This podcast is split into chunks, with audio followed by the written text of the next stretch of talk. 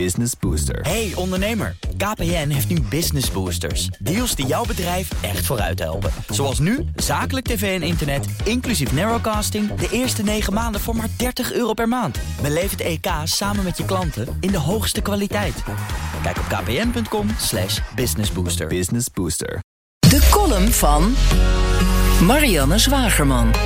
CNN vond in 1980 kabel-tv-nieuws uit en definieerde in 1995 hoe online nieuws eruit ziet. Althans, dat claimen ze zelf.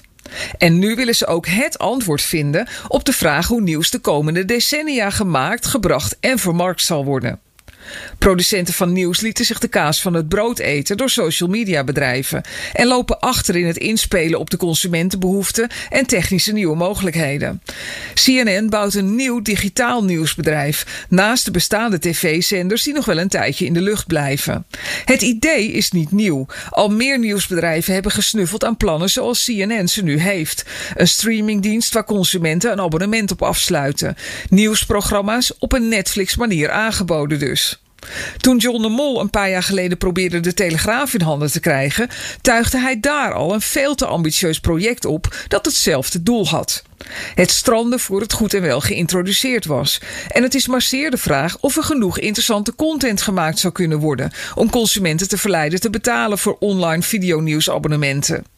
Dat is bij CNN niet veel anders. De programma's die ze al maken leveren de bestaande omzet via contracten met de kabelbedrijven die de omroepen betalen voor de doorgifte van de zenders. Voor de digitale abonnementen moeten nieuwe dingen verzonnen worden. Het belooft een behoorlijk woke feestje te worden, met veel aandacht voor identiteitspolitiek, klimaat en wetenschap. Maar los van de inhoud ben ik vooral nieuwsgierig naar de vorm.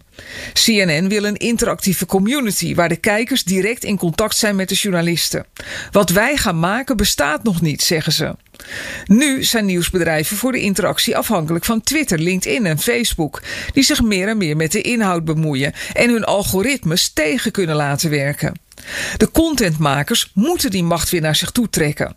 Als dat lukt, is het goed nieuws voor krantenbedrijven, die nog altijd een betere uitgangspositie hebben, omdat zij al een abonneerelatie hebben met hun lezers.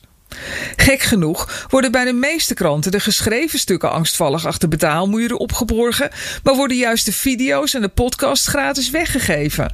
Dat kan en moet snel anders. Het is tijd voor iets wat er nog niet is.